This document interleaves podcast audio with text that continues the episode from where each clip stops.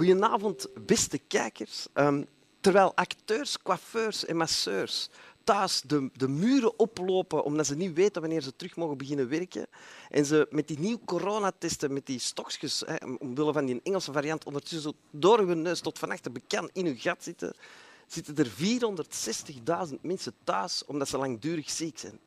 Dat stond dus vandaag in de gazet. En daarom, tegen al die stilstand in, tegen die pijn, al die pijn en dat verdriet in, ter bevordering van de verwonderingshuis, presenteren wij, Johan Petit... En Soen Suki. De wereld staat stil.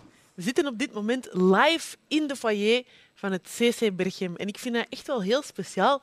Want als er iemand in 2019 tegen mij had gezegd van zo, over twee jaar ga jij elke vrijdagavond naast Johan Petit zitten in de foyer van CC met zo'n raar plastiekje tussen jullie, omdat jullie niet op elkaar mogen ademen. Dan had ik gezegd, scheer u weg, jij bent raar.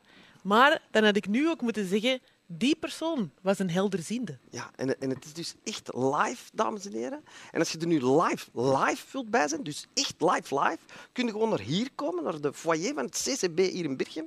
En kun je daar hè, door het raam van de deur zo naar binnen komen zien. Want we hebben drie staanplaatsjes. En gelijk als elke week deze oproep, de eerste die hier in zijn of haar flieter voor het raam kon staan, krijgt van ons deze ingekaderde 50 euro. Dus met kader en al erbij. Drie Koningenstraat, 126. Ja, weg met de schaamte.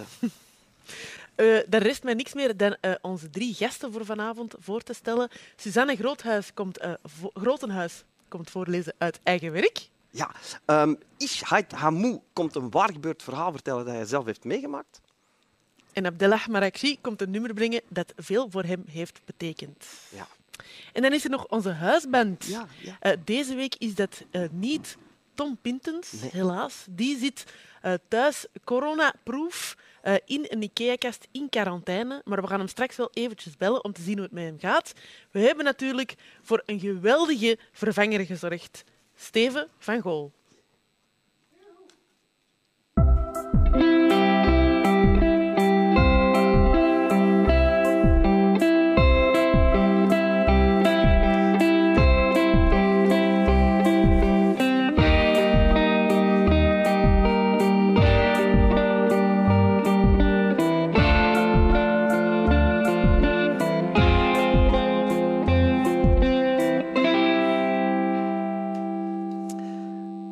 Onze eerste van vandaag is dus inderdaad niemand minder dan Suzanne Grotenhuis, of door vrienden ook wel eens Suus genoemd. dat is waar, hè? Ja, en dus eigenlijk, daarmee heb ik eigenlijk zelf gezegd dat ik een vriend van u ben. Want ik heb je er juist als Suus genoemd. Uh, maar uh, Suzanne, um, jij bent theatermaakster bij De Nieuwe Tijd. Hè, dat is een, een theatergezelschap.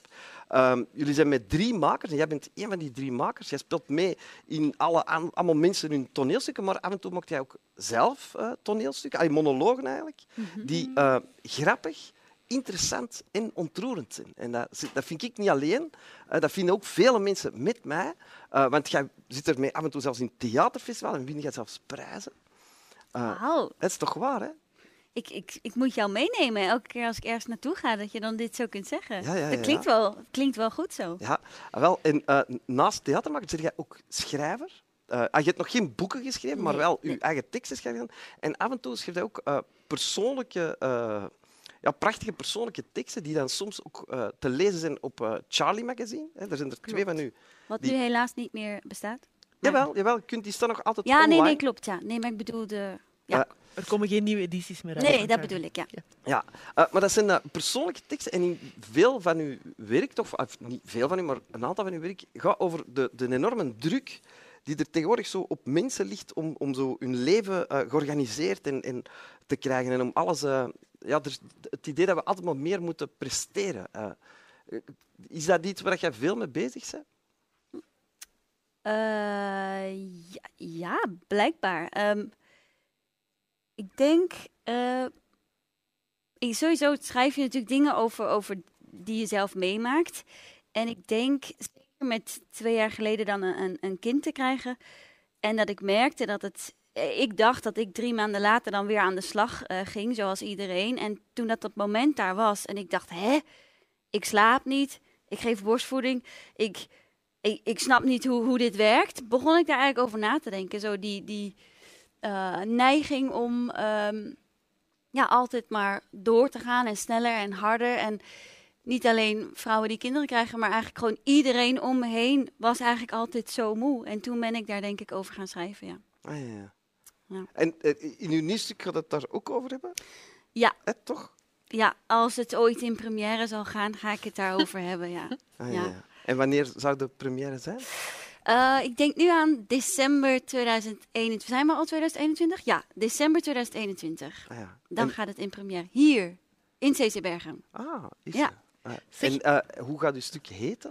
Eh, het heet Holy Shit. Ah, ja. Oh. Zo van, holy shit. Ah, ja. En zo hoor ik het in mijn hoofd. En dat gevoel van zo, eh, als je een kind had gekregen en je moest na drie maanden ineens terug aan de slag en je dacht van wow, dat is- voelt voor mij te vroeg aan. Ja. Was je daar, als je kijkt naar andere vriendinnen die kinderen hebben gekregen, was je daar dan alleen in? Of Dat dacht ik eerst. Maar nu, nu dat ik zo'n beetje soort van een beetje ben bijgeslapen, soort of. En eh, eh, hey, we zijn nu twee jaar verder. En nu zie ik dat dat eigenlijk heel veel om me heen is. Dat mensen denken, hè, dat is veel te vroeg, dat gaat niet. En, en ze hebben dat vaderschapsverlof dan al iets verlengd. Maar ook dat is eigenlijk nog steeds veel te snel, denk ik. Ja, ik zie dat eigenlijk veel om me heen, ja. Ah, ja. Zeg, en eh, jij hebt een tekst bij? Ik heb een tekst meegenomen, ja. Er staat hier, ja, sorry dat ik zo een beetje raar doe, maar dat is omdat ik hier een of ander geluid, alsof dat er ergens een radio of een tv op staat, die waarschijnlijk voor de mensen op de tv niet te horen is. Oh. Maar ik hoor dat wel precies. Het is precies dat er een, ergens in een Ah. monitor een of ander raar een Ik aantal dat erbij hoorde. Ik zag ook net een vliegje rondvliegen, maar Ah, jij ja. bedoelt de monitor. Ah, ja. waar? Ja, dat, die was net even zo in beeld. Oké, ja, het is weg. Ja. Het is weg, ja. Eh, dus dus ik, ik ga dit gewoon voorlezen. Ja. Jullie hoeven verder geen eh, intro. Ik ga het gewoon vertellen, of niet? ja? Oké, ja, ik heb dus een, tekst, een stukje tekst meegenomen. En ik vond het grappig, bij je intro zei je iets over eh, dat die persoon die, die tegen jou zei dat jij hier zou zitten elke vrijdagavond, dat dat wel een waarzegger eh, moest zijn geweest. Nu, en mijn tekst gaat over dat ik onlangs bij een waarzegger was. Dus dat vond ik wel een leuk bruggetje. Ehm, Oké, dus ik ga het voorlezen voor jullie. Ah ja, nu hoor ik het ook. Ja. Ehm, als kind was ik bang voor het donker. En dat is begonnen toen we verhuisden en ik ineens niet meer met mijn zus in één kamer sliep. En dat kwam omdat mijn zus niet meer in de slaapkamer paste. Letterlijk. Ja, onze slaapkamer was eigenlijk een bezemkast. Ik ben opgegroeid in Amsterdam en daar noemen we eh, appartementen huizen en bezemkasten kamers. Het was trouwens een heel gezellig huis van 50 vierkante meter met zo de douche die boven het toilet hangt. En om naar mijn moeders slaapkamer te gaan moest je een luikje opentrekken in de hal en dan kwam er zo'n aluminium trap uitgeklapt naar de vliering. En ook al hebben we daar maar anderhalf jaar gewoond, altijd als ik het heb over vroeger, dan denk ik aan dat huis. In ieder geval, in dat huis was dus een bezemkast, een kamertje van 1,20 meter bij 1 meter, waar iemand dan een stapelbed in had gebouwd. Maar toen mijn zus eh 7 werd en 1 meter en 27 centimeter, dat weten we omdat we elk jaar streepjes zetten op de muur, paste ze dus niet meer in dat bed en werd het tijd om te verhuizen. En door toeval kon mijn moeder eh, dat appartement ruilen met een oude dame die de drie trappen niet meer op of af kon van haar enorme penthouse aan een chique laan in Amsterdam Zuid. Dus opeens zaten we daar.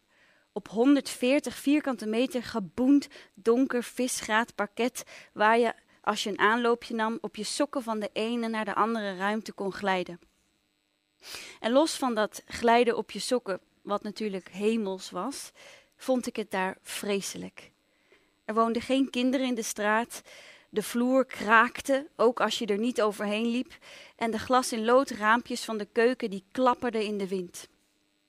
Daarbij stond er in de twintig jaar dat ik er heb gewoond altijd iemand s'nachts aan mijn bed. Een donker gedaante in de hoek van de kamer, waarvan ik tot op de dag van vandaag niet zeker weet of ik dat nu droomde of niet.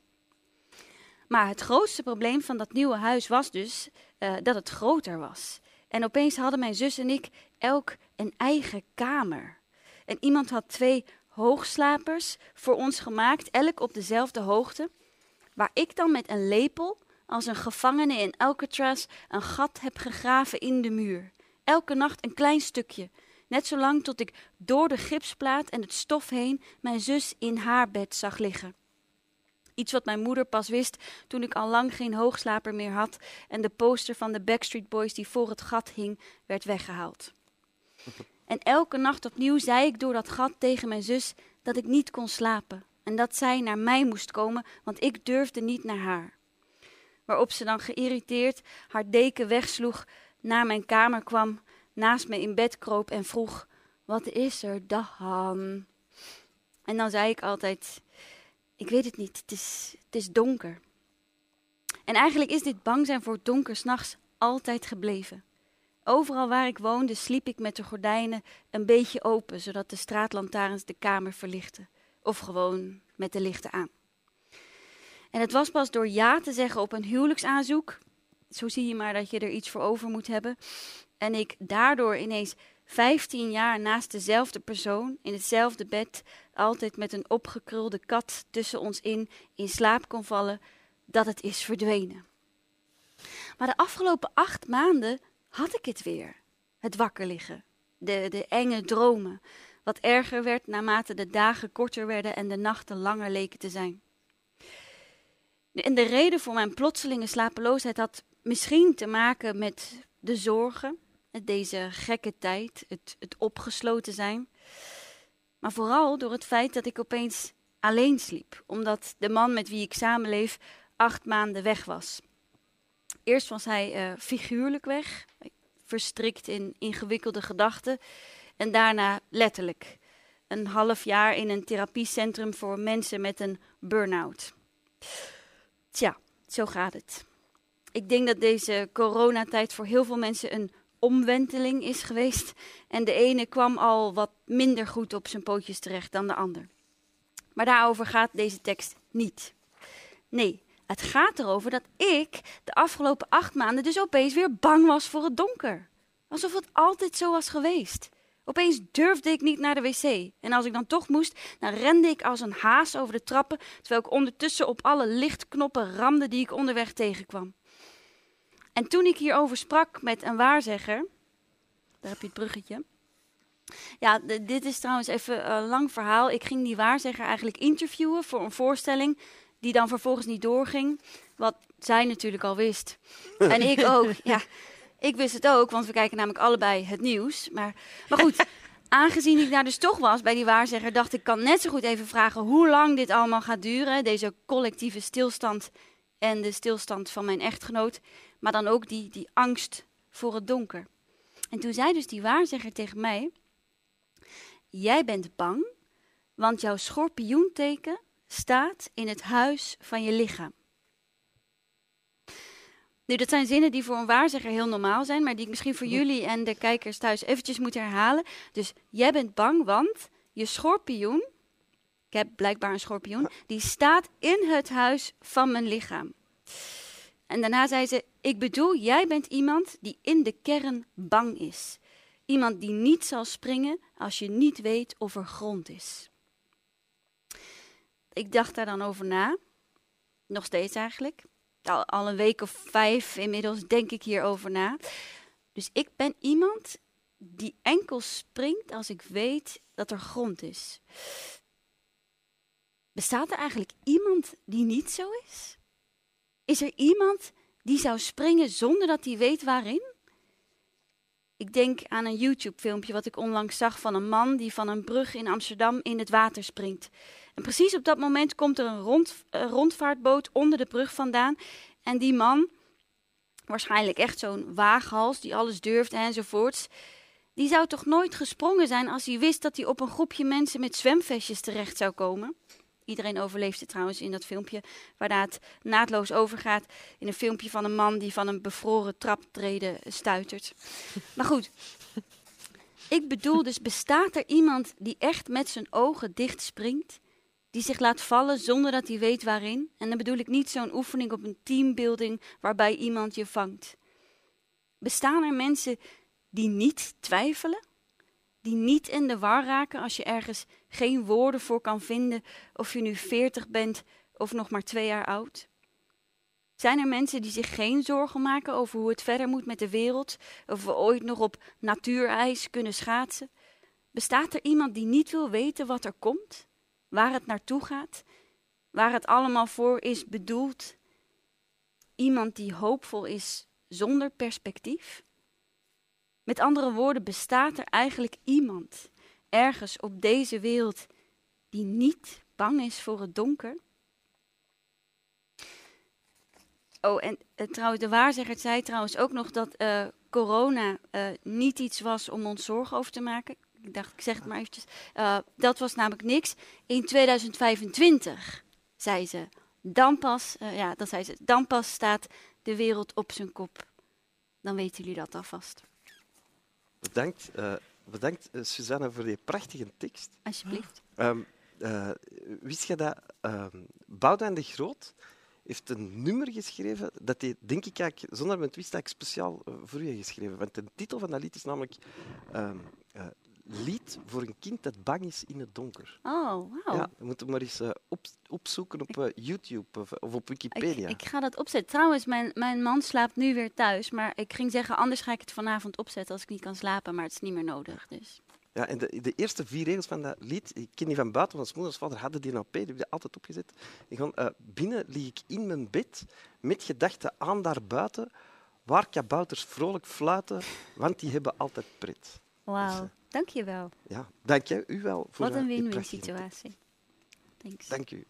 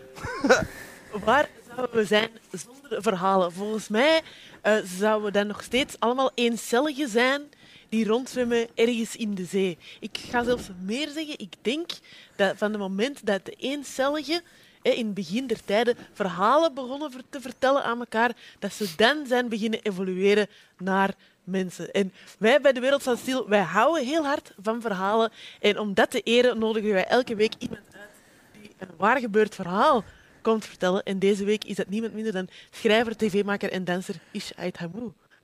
Hallo. Ja. Dag buiten. Alles goed? Ja? Ja, we zijn heel blij dat jij erbij bent. Ja, ik wou eventjes mijn excuses aanbieden voor mijn stem. Als af en toe kraakt. Oh. Ja. Hoe komt het? Vermoeidheid, I guess. Oké. Okay. Maar gewoon, ja. Ah ja kraakt af en toe. krakende stem is nooit niet erg eigenlijk. Dat is, dat is een heese stem. Ah ja, dat is uh, prachtig. Ja, vroeger ik uh, altijd een heese stem willen hebben, omdat ik uh, ik weet niet of je vroeger naar de Backstreet Boys luisterde. Ja. En eentje ervan noemde AJ. Ja. En die had een heese stem. en iedereen was zoals AJ klinken. en nu na zoveel jaren heb je je wens gekregen. Ja. je stem klinkt nog steeds mooi. Dank je. Um, zeg je, ja, Ish. Ja. Um, uh, ik, ik ken je al langer al in het begin als, als danser. Ja. En ik was jou een beetje aan het opzoeken voor, voor deze show. En ik zag dat jij uh, in 2020 het ereteken van de Vlaamse gemeenschap hebt Ja. gekregen.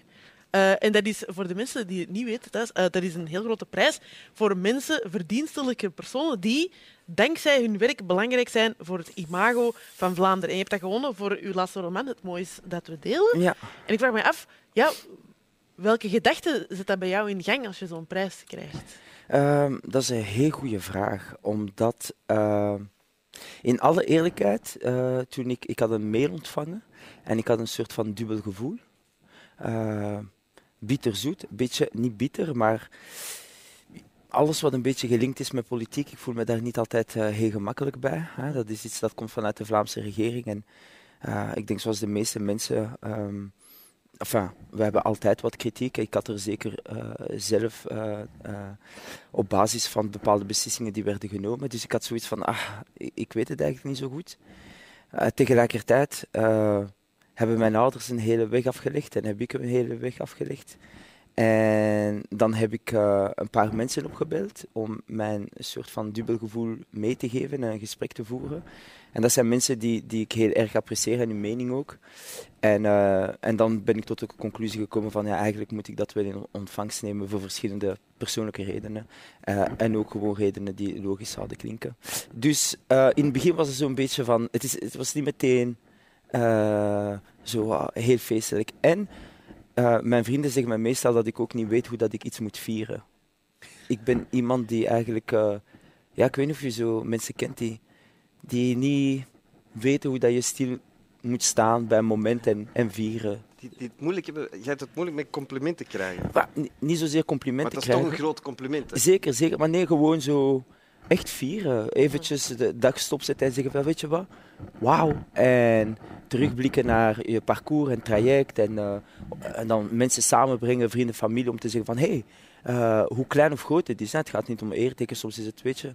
Ik ken vroeger mensen bijvoorbeeld die vroeger bij een goed rapport, die konden echt, die konden daar een feest van maken. En, eh, En wil dat dan zeggen, wanneer heb jij het gevoel van erkenning dan?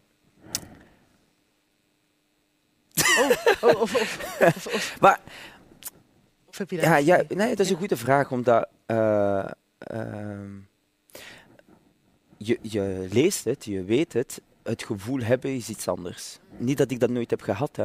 Ik zou eens moeten nadenken, want er zijn zeker momenten geweest. Ah, ik weet er eentje. Ik heb, mijn, eh, ik heb een voorstelling eh, eh, mogen spelen, eh 44 voorstellingen, aangenaam ik ben Ish. En elke einde van mijn voorstelling had ik elke keer wel een gevoel van erkenning. Het was een heel intiem moment met het publiek.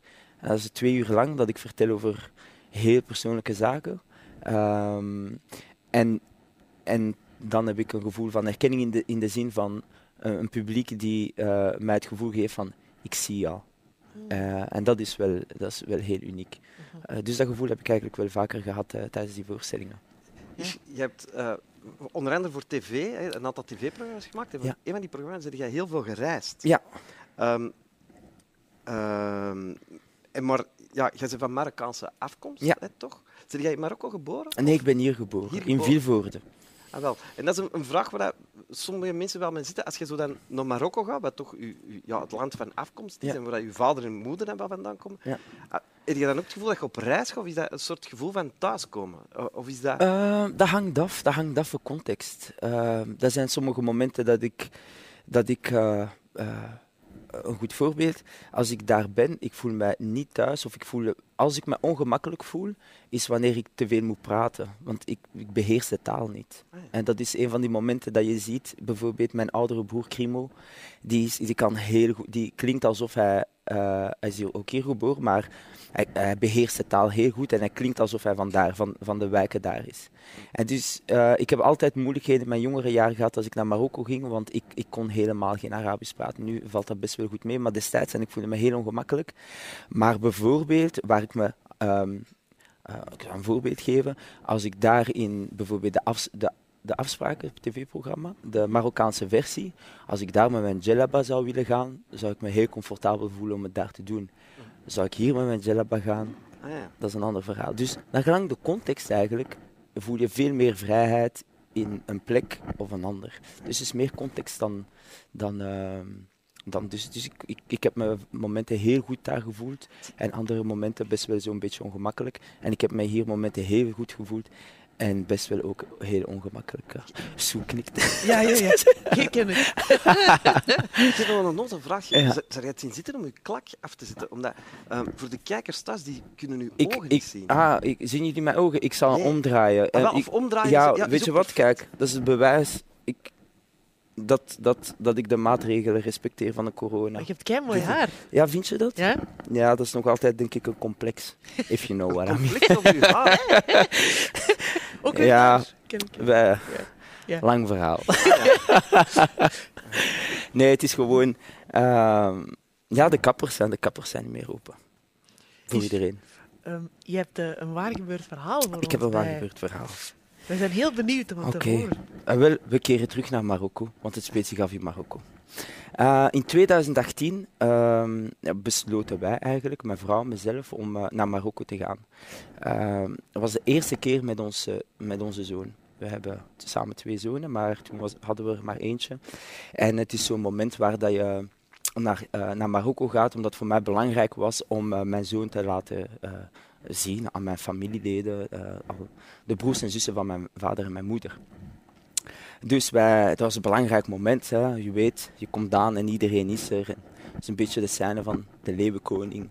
Toontje, zoontje. En iedereen kijkt ernaar. Oh, wauw, de, de nieuwe Ait Hamou is er. Maar dus toen we vertrokken, mijn ouders waren daar al. En ik was met mijn zoon en mijn vrouw in de vliegtuig. En ik had een kleine camera. Ik heb altijd een camera mee om foto's te nemen. Maar ik dacht, dit is een mooi moment om foto's te nemen. Um, ik heb hem ook hier vaak gebruikt. En mijn, uh, mijn memory card, mijn uh, geheugenkaart was vol. Dus ik zat in de vlieger en ik dacht, ah, het is een goed moment om heel wat dingen uh, weg te vegen, zodat ik genoeg ruimte heb. Ik had geen computer om alles te ontladen, ik had alleen mijn camera. Dus ik, ik ben foto's aan het wissen en video's aan het wissen, al wat ik weet dat ik nooit uh, meer zal gebruiken of niet nodig heb. En uh, ik zie op dat moment een foto, en dat is een foto van tijdens een lezing. Ik werd uitgenodigd voor een lezing, werd georganiseerd in een hotel. Dat was best wel een heel mooi beeld en daar stond zo'n grote kaart met uh, organisatie X nodigt Ish Ait Hamou. En ik vond het een mooie foto en, en, en vaak als creatieve denken we altijd, dit is iets dat ik later zou kunnen gebruiken. We hebben allemaal af en toe minder drukke momenten op Instagram, waar we dan die oude foto's plaatsen om te tonen dat we actief zijn. Kleine truc van creatieven. Uh, en dus, ik heb een foto laten staan. We komen aan, we zijn in Marokko en ik zie mijn familie, iedereen is blij, we zijn daar een weekje. En dan beslissen we om samen met mijn ouders naar uh, uh, geboortedorp van mijn moeder te gaan. Dat is 70 kilometer van Casablanca, want wij verbleven in Casablanca. En we namen de wagen, we vertrokken en het was toeval, maar het was de heetste dag van het jaar. Het was 50 graden. We hadden geen airco in de wagen. Dus toen we daar naar, uh, naartoe gingen, was het al een beetje een moeilijke reis. Maar bon, we komen aan en het was een prachtige dag. En ik ben foto's aan het nemen. Ik was samen met mijn, uh, mijn vrouw, mezelf, mijn ouders, mijn zoon, mijn zus en haar zoon. Het was best wel een unieke dag. En ik nam heel veel foto's van de, enkel van de kinderen met mijn ouders. Want ik had het gevoel van mijn ouders worden ouder, zoals, zoals ja, hoe ouder ik word, hoe ouder men. En je hebt soms het gevoel van, je weet nooit wat er zou kunnen gebeuren en je weet nooit wanneer de laatste keer is dat je daar terug zou kunnen zijn in haar geboortedoop met de kinderen. En bewijs, kijk, corona, we kunnen nergens naartoe.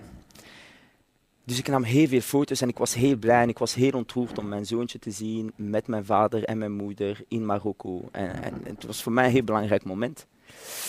En dan was het tijd om terug te komen na zo'n lange dag, 50 graden. En uh, ik had mijn camera, iedereen zet zich van achter. Ik, ik heb zo'n tasje, ik zet een tasje uit, ik zet die op mij, hier op mijn schoot en ik ben aan het rijden. En dan rij je op zo'n lange tijd op een zo'n soort van verharde uh, weg. En uh, ik had een kleine ruzie met mijn vader, omdat er, kwam, kwamen vaak auto's van tegengestelde richting. En één van de twee moet afwijken. Maar afwijken betekent dat je dan op die harde, uh, scherpe rotsen moet gaan rijden. En ik deed dat altijd. En mijn vader werd boos, want hij zegt van... Nee, het moet 50-50 zijn. Jij moet niet altijd afwijken. Dat is blijkbaar iets dat ik regelmatig doe. Conflicten vermijden. ik ken dit met mijn eigen val. ja, voilà. Dus, dus uh, we hadden dan een, een, een, discussie en ik was een beetje boos. Ik was een, geïrriteerd en ik was een beetje boos, dus ik zei niets meer. En uh, dan komen we op de autosnelweg en dan, dat zijn zo tolwegen, hè, de autosnelweg daar. En uh, een paar moment moet ik stoppen om een kaartje te halen en ik ben te ver weg. Dus twee opties, of de marche arrière en dan een beetje dichterbij, het ticketje, we kennen het allemaal van in de parkings. Of ik stap uit mijn wagen. Dus ik dacht, ik stap uit mijn wagen. Ik stap uit mijn wagen, ik neem een ticket, we zijn weer vertrokken. Ik denk 30 minuten later, ik voel een leegte in deze sector hier. en ik wist het meteen. Ik, ik hoefde niet na te denken van, ah, het is misschien in de koffer. Ik zei meteen, dat was een bevestiging, ik zei aan iedereen in de wagen, mijn camera is weg. Mijn camera is gevallen. En ik wist waar. Mijn vader zei, misschien is het in hij is daar, ik weet het, ik wist het. Het zijn zo'n momenten dat je gewoon weet. En op dat moment, mijn wereld stond stil, omdat ik besefte dat mijn foto's weg waren. En die foto's die uniek waren en ik, en ik wist dat we er niet terug zouden gaan of zouden kunnen gaan. En opnieuw, we zijn er sindsdien nog nooit meer terug kunnen gaan. Ik kon wel huilen op dat moment. Echt voor die fotocamera maakt niet uit. Uh, maar ik kon echt wel huilen om die foto's. Eventjes verderop is er dan een tweede tol. Uh, we zijn afgestapt, uh, gevraagd of ze konden kijken, iemand bellen om te zien of ze daar iets hadden gevonden. In alle spanning afwachten. Ze komen terug, er is, werd niets gevonden. Dus voilà, mijn vader, heel gelovige man, zegt: Kijk, het is zo. Ja. Zeggen ze in het Arabisch. Het is voorgeschreven dat het moest gebeuren. Ik kom terug thuis, uh, thuis, ja, thuis in ons, in ons huis in uh, Casablanca. We hebben daar een klein huisje en, uh, en we zitten daar en we zijn aan het praten en ik blijf maar denken aan die foto's en ik blijf maar denken aan de foto's. En ik kon niet slapen. Ik het klinkt misschien gek, maar ik kon echt niet slapen. Ik was heel erg pist. En plots om één uur s morgens krijg ik een bericht, een Facebook bericht. En dat is een raar uur. Ik krijg af en toe wel berichten, maar ik vond het een raar uur. Dus ik kijk, ik klik erop en ik zie een naam in het Arabisch geschreven.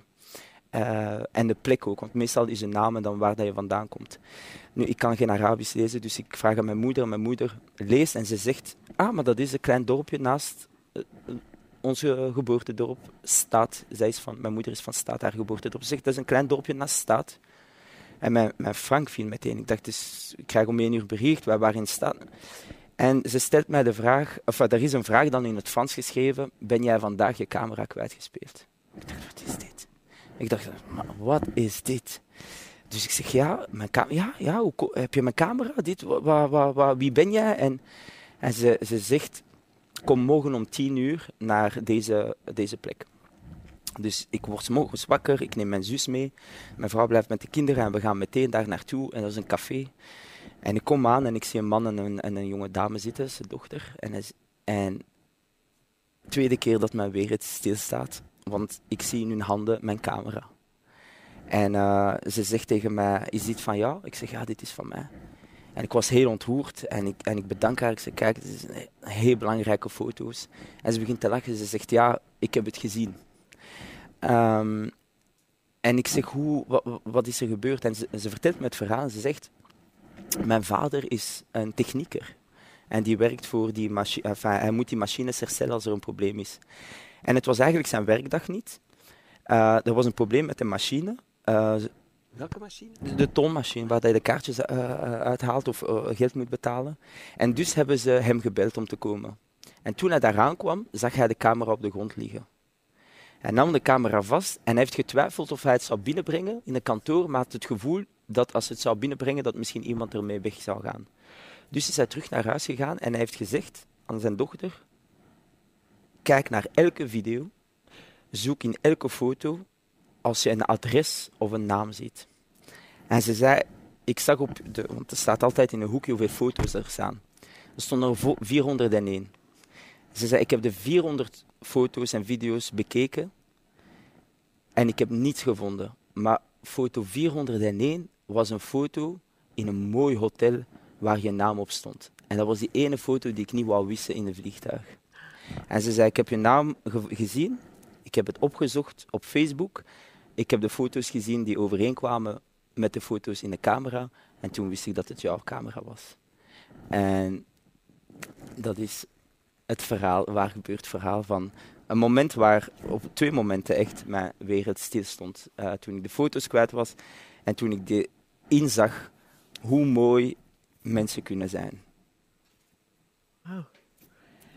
Dankjewel, Is, voor dit mooie verhaal. Alsjeblieft. Oh.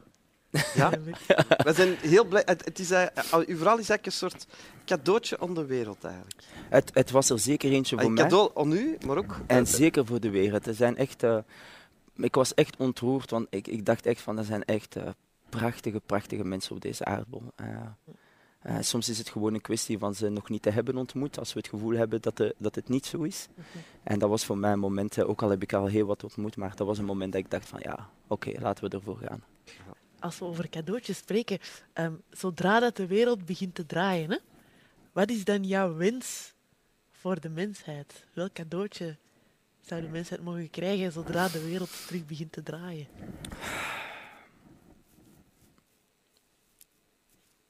Een gratis kapbeurt. Voor iedereen. Hij is blij. Bedankt eh, voor uw eh, verhaal. Ehm, en dan is het nu tijd is, eh, voor de kleinste quiz ter wereld. Toch? Eh, nog Nee, niet. Nog niet. Nee. Nee, we gaan nu eh, eigenlijk... ja. Ik zei- amai, ik ben in de war vandaag. Het, is- het verhaal was ontroerend. Ja, ja, ja. Ik zit helemaal in de war. Ehm, we gaan nu eh, luisteren naar een liedje van onze huisband. En het is niet Tom Pintens, want zoals al gezegd zit hij thuis in quarantaine. Eh, maar we gaan wel heel eventjes horen, voordat we naar het nummer gaan, eh, gaan we horen hoe dat het is met Tom. Dus we gaan die heel eventjes opbellen. Eh voilà. En eh, ja, eens horen hoe dat het is in quarantaine. Spannend.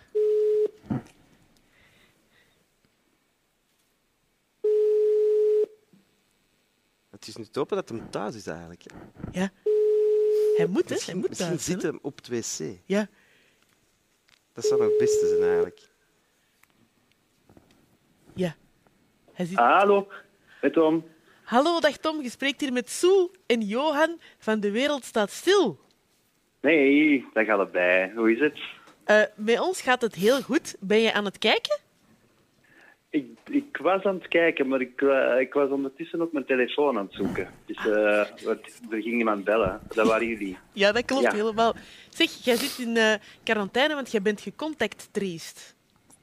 Ja, eh, ik, heb- ik heb vorige week nog eens eh, wat vrienden, collega's gezien op een vergadering. En eh, een van de collega's was positief, bleek achteraf. Dus jammer. Tot morgenochtend ben ik, niet, mag ik niet naar buiten. Oh, Spijtig. hè. En, en, en ben je al getest, Tom? Ik, ben, eh, ik heb mij eh, donderdagochtend, ehm, nee, woensdagochtend laten testen en ik was negatief.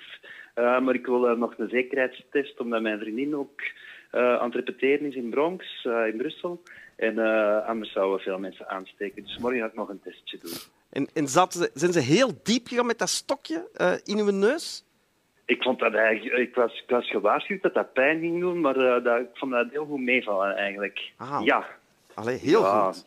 Heel ja. goed. en eh, heel punctueel. Er waren, allee, ik kom er binnen en je zit terug, terug buiten. Allee, ik, zou, ik zou het elke dag doen. Allee, geweldig. Goed. Dat is goed nieuws dan eigenlijk. Ik heb eh, Ja, horrorverhalen gehoord. eh, is het leuk met Steven? Ja, het is hè? heerlijk. Het is heel tof. Ja. Ja, ah, doet hem de groetjes beet, hè, van mij. Zullen we doen, zullen we doen. Oké. Ehm, Oké, Tom, bedankt voor ons eventjes te woord te staan. En eh, ja, nog veel succes in quarantaine. Hè? Ja, dankjewel. Hè. Tot gauw. Hè. Dag Tom. Salut. Tada, veel plezier. Tada. Merci.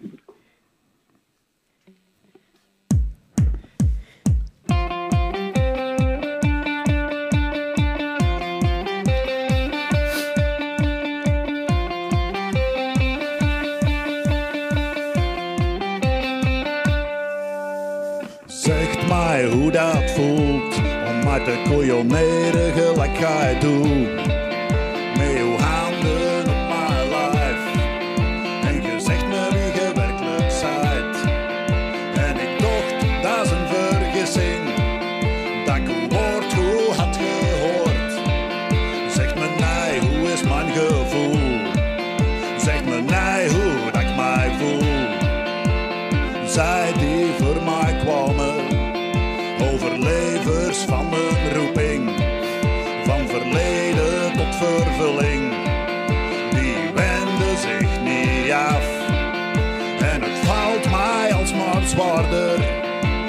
zeggen wat ik zeggen moet.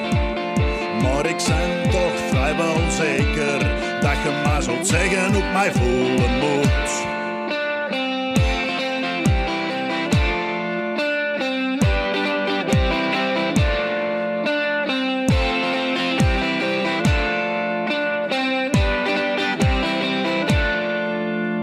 Ik zie een schip in de haven, geef gehoor aan elk gebod.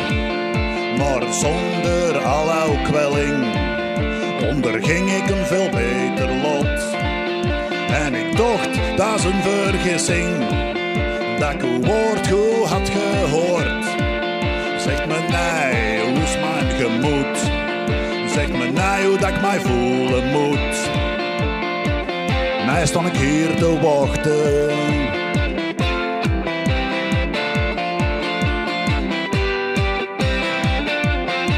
Ik had toch gezegd dat je moest weggaan. Toen we liepen op het strand. Zeg me nee, hoe dat voelt. En met uw hart ijskoud. Dankjewel,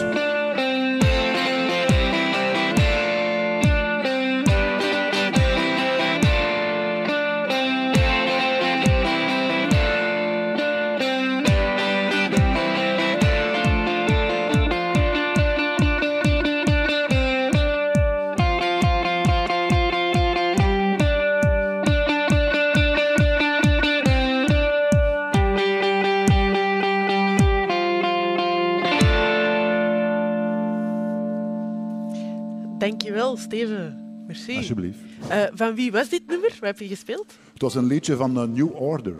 Mhm. Blue Monday genaamd. Maar eh, je hebt het wel in het Nederlands gezongen. eh. Ja, ik heb het vertaald naar het algemeen verstaanbaar Kempis. Eh, dat is ongeveer een jaar geleden gebeurd. Dat, is- dat was een, eigenlijk een beetje een raar toeval, een profetisch toeval eigenlijk.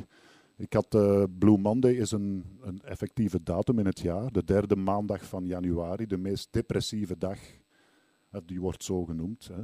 De, derde januari, eh, de derde maandag van januari.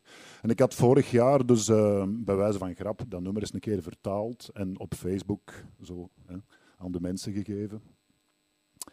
En eh, daarbij eigenlijk een tekstje geschreven van als dit de meest depressieve dag is van het jaar, dan zal het nog wel meevallen. Maar twee maanden later zaten we in de lockdown, dus Oh, ik denk dat het thema van deze uitzending waarzeggers Ja, en toekomstvoorspellers is. Een klein beetje. Ja, precies, Steven. Yes. En dan is het nu zo. Nu is het tijd voor de kleinste quiz ter Klopt, wereld. helemaal. Niet er straks, maar nu. En het leuke is, is dat je gewoon moet blijven zitten. Eh, want dus die kleinste quiz die is echt extreem klein. Die is eh, zo klein dat als je eh, mieren zou vergelijken met onze quiz, dan zouden die mieren eigenlijk olifanten zijn. Zo klein is die quiz. Die bestaat maar uit één vraag. Er is ook maar één antwoord en je kunt ook niks winnen. Dus degene die het weet, die is gewonnen. En de vragersteller van deze week is niemand minder dan Ish Ait Hamou. Ja, eh, Ish, eh, jij was hier niet van op de hoogte, maar dat is een beetje het concept. Maar is oké. Eh, ik me mag- veilig. Oké, oh, dat is fijn. Dat is fijn. Jij mag een vraag verzinnen. en je mag er nu eentje verzinnen. En voor de mensen thuis, zodra Ish zijn vraag heeft gesteld, zal er op dit kartonnen bord, kosten nog moeite gespaard voor dit kartonnen bord, een eh, nummer verschijnen eh, waar dat je dan meteen naar mogen bellen. Om het antwoord te geven op Ish zijn vraag. Ja. Eh, slechts één iemand mag een antwoord geven, dus neem jullie gsm's al klaar. Ja, en Ish, jij, jij moet echt helemaal zelf kiezen welke vraag dat jij stelt. Eh, maar er zijn wel een paar eh, regels Ah, ja, ja. voor die vraag. Dus ten eerste moet jij, eh, moet jij het antwoord op die vraag wel echt zelf weten. Je moet ook zeker zijn dat het antwoord juist is. Dat is ook heel belangrijk. Je moet er echt zeker van zijn.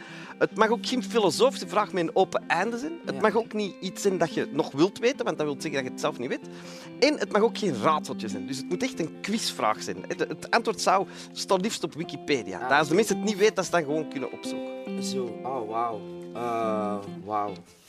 Bon, ik ga snel iets bedenken, anders zijn we hier de Ja. hele avond. Dus nu moet jij, Ehm, misschien moet jij zo ondertussen nog even iets zeggen. Ja, Heb je nog iets te zeggen? Ik heb nog te zeggen aan de mensen thuis, neem jullie gsm's klaar, want Ah, de kleinste quiz ter wereld wacht niet. Nee, Eh, Dus ik, de mag- eerste persoon het- die belt, je die ook- binnenkrijgt. ik- Heb jij gestudeerd? eh, nee, helemaal niet. Nee, Niet gestudeerd? Nee ik ben eh, sinds mijn, mijn drie gewoon straatjongen. Ja. bent gewoon. Nee, ik heb niet gestudeerd. Jawel, hè, hoger onderwijs. Hoger onderwijs. Dan heb je toch, onderwijs. ah, ja, maar dan heb Tot je, mijn zesde middelbaar. ah, dan heb je toch van alles geleerd? Uiteraard. Van, van, van dingen van Dat natuur. was ironisch bedoeld dat ik niet heb gestudeerd. Uiteraard heb ik Maar is er is toch nog om- Niet om te studeren. Dat kan, dat kan toch niet dat jij niet nog iets weet? Ah, zo, zo. Ja. eh, eh, Iets van geschiedenis. je threw me off guard, man. Ja, dat is altijd het Eh, leuke, deze. Ehm, Oké. Ehm, Oké. eh, het mag ook een aardrijkskundige vraag zijn. Goh, nee, dat, dat, dat... Nee, ik heb een vraag. Enfin, Ah ja, ik zal een oké. vraag. Oké, Ja, ja. mensen, Ja? houden jullie klaar? Ja. Oké. Eh, ah, daar ben ik wel benieuwd naar. Maar ik ben bang dat het een beetje te specifiek is. Dat maakt niet ja, niet zeker. Alles zeg mag. maar. Ja. Alles mag. Oké. Ehm, in mijn boek Cecile is een van mijn lievelingspassages wanneer Jibril, de protagonist, de hoofdpersonage, kleine jongen, eh, opgescheept zit in ehm, de grote parking van een boot. En die ontmoet daar verschillende personages, maar er is één persoon die heel belangrijk is. Dat is de leider van de groep jongeren daar. Wat is de naam van de leider van die jongeren die uiteindelijk Jibril zal helpen om een oversteek te doen? Dat is inderdaad een prachtig Dat is een topvraag vraag. voor de fans. Eh, bellen geblazen naar benieuwd. 0478284621. Ik herhaal 0478284621. Eh, om te antwoorden op de vraag van Ish, wie heeft Jibril geholpen in die bewuste passage? In, Om- in een parking van de boot. Voilà, in de parking En, van en de boot. als dan, staat, die, staat dat antwoord op Wikipedia, denk jij? Ik, eh, d- Dat staat in uw boek natuurlijk. dat staat in mijn een boek. eh, ja, dat staat, dat staat in het boek. Nee, niet, in- niet op Wikipedia. Dus als de mensen het niet weten, kunnen ze gewoon uw boek nu snel even downloaden. En dan op welke pagina ongeveer? Oh, ja, dat gaat een moeilijke zijn, want ik weet het zelf niet meer. Ah ja, maar in het begin of op het einde? Eh, wacht, hè. Ehm,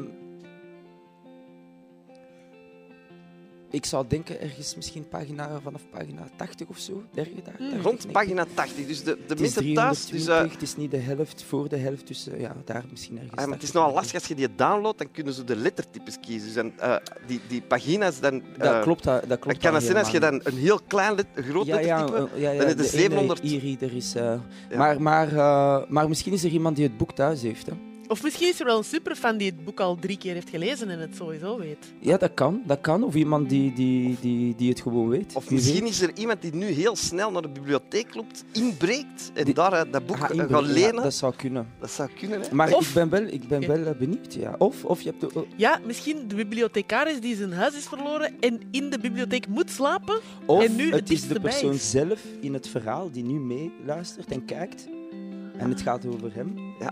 En, En die gaat nu bellen. ah, ja, dat- ah, oh, en zeggen van, hé, hey, ik ben die kerel vanuit Ah, het ja. boek. en, en de mensen zouden denken natuurlijk dat wij dan vals spelen en dat wij zo, eh, als niemand niet belt, dat wij dan iemand van de set klaar hebben die dan zijn gsm en die dan zelf naar ons belt. Maar blijkbaar is nee. die mens in slaap gevallen. Dus normaal eh, bellen we dan zelf. Ja. Ja? We zullen nog... eh, Ja, eh, ik, ik vrees... eh, Is- Zou dat de eerste keer zijn dat niemand een antwoord heeft? Dat, dat, Dat- zou dat wel zou de eerste keer. Dus het zou kunnen dat de internetverbinding is uitgevallen en dat niemand maar het ik denk wel, eh, om ons concept eh, correct te houden, namelijk de kortste quiz, de kleinste quiz ter wereld, moeten we het nu afsluiten. Ah ja. Moeten we het nu afsluiten? Ah, Ah ja, dan, misschien weet, jij het antwoord? Ja, ik weet het Ah ja, antwoord. en wat is het antwoord? Dus ja, spijtig, mensen thuis. Mensen thuis, waar moet ik kijken? Daar in de kamer? Da- daar Zijn is de kamer. thuis? Ik ben zo teleurgesteld. Grapje, was We hadden straks maar zeggen dat er heel veel boeken van u verkocht zijn. Maar eh, Dat zou heel fijn Ja. zijn. nee, wat, is het antwoord? Ja, ja, zijn... Oh! oh! Ah! Kijk eens aan. Ja, Ik deed dat expres om eventjes uit te rekken, want ik weet dat de mensen daar ja, zijn. ja, ja. Oké, hier gaan we. Goedenavond, u bent bij De Wereld Staat Stil. Met wie spreek ik? Met Marijke. Dag Marijke. Eh, eh, Hallo. Bedankt om in te bellen. Hoe is het met jou? Met mij is alles goed. Marijke, eh, waar woon jij? Ben je van Antwerpen of van waar ben je? Ik ben van Antwerpen, alleen van Niel. Ik woon in Niel. Oké. Marijke, wat doe jij zoal in het dagelijkse leven? Ehm Wacht, want de wereld staat stil, staat hier ook op. Ik Heel goed deze. heel Dat goed. horen we graag. Dat Het horen de, we la- graag. de langste aflevering ooit. Ehm, op het moment zit ik gewoon thuis. Oké. Eh, zeg, Marijke, weet jij het antwoord op de vraag wie is de persoon, de mystiek, het mystieke karakter dat eh Jibril heeft geholpen in de parking van de boot? Ehm, wacht, hè, ik heb hier de boek. Ik denk dat het... Wacht, hoe noemt hij nu weer? Abid? Abid. Abid. We kijken naar Ish. Dat is helemaal correct. Yay! Proficiat. Bent u blij? Dankjewel. Wat blieft? Ben je blij? Ja hoor. Oké, bedankt om mee te doen aan de klei- een kleinste quiz ter wereld. Tot de volgende keer. Oké, joh. Bye bye. Dag. Weet je, Voilà. Daarnet is dat een heel belang- eh, belangrijke vraag. Je zei van, eh, heb je dat gevoel wel van herkenning of wanneer heb je dat? Dit is een moment. Prachtig. Dit is een moment van herkenning. Merci, Ish. Met veel plezier. Dit was de kleinste quiz ter wereld.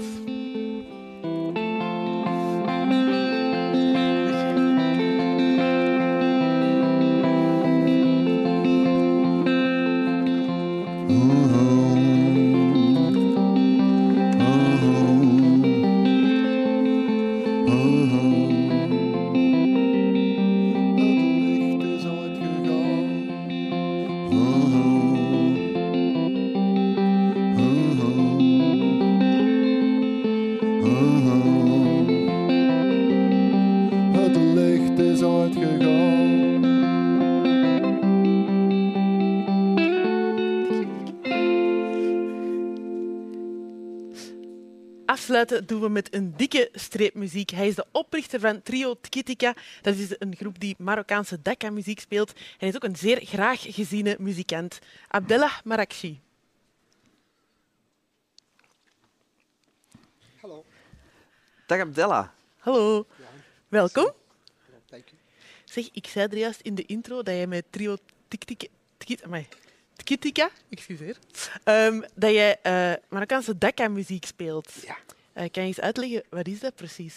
Eh, Marokkaanse Dakka. Dat is eigenlijk uh, Dakka Marrakechia. Dat is de klap van Marrakesh. Eh, De klap van Marrakesh. ja.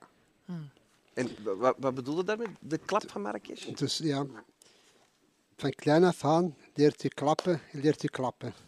Dus leert je spreken en leert u klappen. Alle twee samen. Als kind, je, ouders pakken je zo om te slapen of zo, dan tikken zij altijd op je rug de tempo. Ah, ja. En zo begin je zoveel dingen te leren. Tempo's en, En, en hoe gaat die klap van Marrakesh? Is dat gewoon... Want Klap, de klap van... Dus, eh, meestal is dat een 6, 8. Bijvoorbeeld, we klappen, één klapt. En die andere klapt gewoon er tegen, tegen tijd ervan. Zo kunnen we wel klappen. Eh, er is ook een feest in Marrakesh, noemt Ashura, of in Marokko, maar vooral in Marrakesh, Ashura. Iedereen, elke kind, elke vrouw, el- elke man krijgt een trommeltje in zijn hand. En dan spelen wij ermee. En klopt dat ook dat je... Dus je leert het thuis, eigenlijk, als je klein Ja. bent. En klopt het dan dat je met wijken eh, tegen elkaar muziek gaat spelen? Juist, dat klopt. Ja. Volledig, ja, is juist. Ja. Ja. Ja. En ook, je hebt ook zo groepjes van meisjes, eh, hun spelletjes, zo hun, hun, hun, hun ritme. Dat is ook zes, acht, maar heel, heel raar in elkaar. En dan van de jongens ook anders, totaal anders. En de oude mannen ook anders. Eh, iedereen speelt dus, als je voorbij gaat, je ziet een groepje meisjes. tak, kat, kat, kat, kat. En dan voorbij gaan, dan gaat die jongens weer. En dan s'avonds, voor als iedereen gaat slapen, dan komen de oude mensen. Hè, allemaal zo op een plein van, van, van de wijk. En iedereen met zijn trommeltje. En dan do, do, do, do. Zo traag. En ja, zo zitten wijken tegen elkaar te spelen. En dan op het einde van dat feestje weten wij wie is de winnaar van, de, van het Galmarachia. Oh. Ah, je, je, je bent geboren in Marrakesh. Ja. Je hebt er tot je 21 jaar gewoond. Juist, Eh, ja. Dat heb jij er straks aan mij verteld. Kun je eens voor mensen die niet weten wat voor een stad Marrakesh is, kun je dat eens eh, uitleggen, hoe, hoe dat, dat is? Eh Marrakesh, Marrakesh Libeja. Het wordt heel veel gelachen, veel muziek gespeeld en alles. Je hebt daar ook een grote plein genoemd Jamelfna, waar iedereen naartoe kan gaan. Er is theater, er is verhalen, sprookjes, dansers, muziekspelers, eten. Op, elke dag op die plein, van s morgens tot s avonds, wordt van alles gespeeld. Dus iedereen gaat naartoe gaan kijken enzovoort. Je hebt ook, ik ben gegroeid in een wijk genoemd Kasba. Kasba dat is een oude wijk naast de, de Koninklijkse Paleis. Uh, van Jamelfina. Dus wij, wij gaan elke dag eh, naar daar gaan zien en daar muziek gaan leren. En eh, ja, van alles gaan zien. Hè. Ja, want ik Dus- ben er zelf ooit al geweest. Het is echt Jma El Fna, hè, zo noemt dat plein. Dat is echt ongelooflijk feest. eh, dat is van geuren en kleuren. En dat is echt het is precies of dat er elke dag feest is. Elke dag ook feest daar. Ja, dat is juist, ja. Ja. ja. Daarom noemen zij die Marrakech Behja. Zo omdat ze vrolijk zijn. Alle, alle mensen daar zijn vrolijk. Iedereen aan het zingen, iedereen aan het spelen. En dan, zo heb je ook, iedereen speelt ook muziek. Of de meeste mensen spelen muziek. Dus eh, je gaat nooit problemen hebben met een orkestje. Je komt gewoon even zo voor, voor, je deur. En dan, ah, ik ga hij meespelen, gaat hij meespelen? Oké, dan gaat hij met een orkestje gaan spelen. Dus dan, dan is geen probleem daar. Je hebt, eh Abdella, je hebt een nummer voor ons meegenomen. Ja, En welk nummer is dat? En, en waarom, wat betekent dat nummer voor jou? Eh, ja, eh, dat is een Hamdouchia, een liedje. En dat komt eigenlijk van, van Ahmadja. Toen ik kind was, zeker zes, zeven jaar, hebben we in elke wijk een, een soort muziekcentrum waar Ahmadja of Gnawa of Isawa komen spelen. Is een soort uh, Sofi-muziek, dus transmuziek. En wij als kinderen, wij gaan, mocht, dat, is- dat is gratis. Dus gratis, je mag daar gaan dansen en, en gaan feesten, dat is allemaal gratis. Als je iets hebt, dan geeft je wel iets aan de mensen en dan blijft je gewoon door zingen en spelen ermee. En ehm, het blijft in mijn geheugen altijd dat, dat beeld van, van, van naartoe, naar die zawia te gaan en naar de, naar die muziek te luisteren, naar dat feestje. En dat ritme blijft echt erg in mijn hoofd. Zo'n trein die, die vertrekt en die stopt nooit. En ja, wel, dat is het liedje. Oké, wij zijn heel benieuwd. Ik ga proberen op keyboards te doen, samen met Steven van Gool. Komt wel in orde, denk ik. ja, okay.